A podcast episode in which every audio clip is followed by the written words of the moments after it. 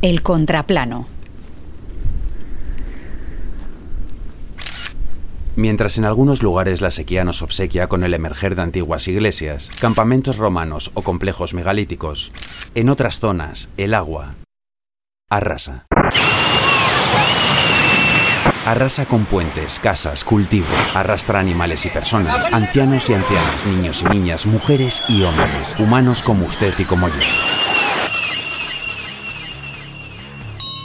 Desequilibrio. Pakistán.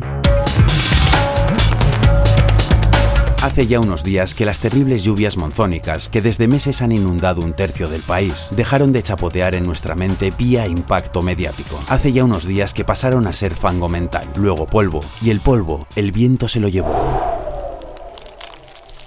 En Pakistán, no. En Pakistán todo es fango, lodo, un fango que oculta cientos de cadáveres, un fango infecto que ahora supura en forma de enfermedades, malaria, cólera, en forma de miles de desplazados, redes viarias destruidas, crisis alimentaria, económica y emocional, sobre todo si lo has perdido todo en tan solo unas milésimas de segundo.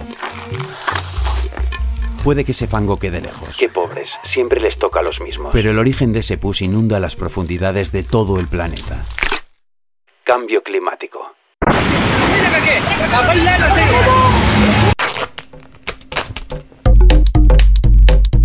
Pakistán es una de las grandes fábricas de los gigantescos emporios del corte y confección. Los mismos que han conseguido que a base de jornadas inhumanas en ratoneras mortales, cada semana llegue una nueva colección a los templos occidentales del fast fashion. Dogma, usar y tirar. Un mecanismo en el que una de las materias clave en la cadena de producción es el agua.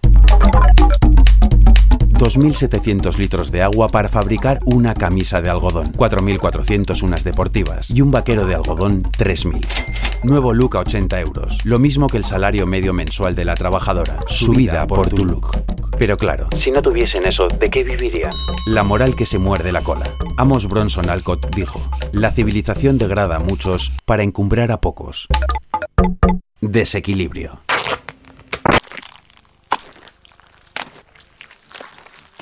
Hace unos años una firma de lujo sacó a la venta unos pantalones manchados de barro. Están de suerte. Ahora con tan solo cavar un poco en el fango, podrán satisfacernos con una nueva colección.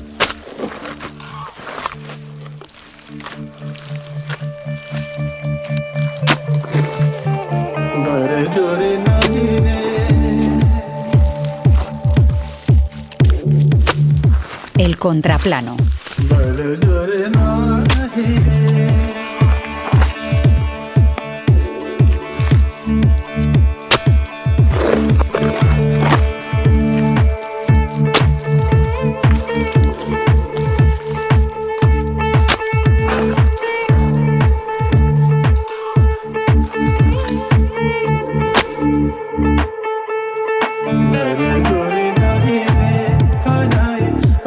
Jamuna के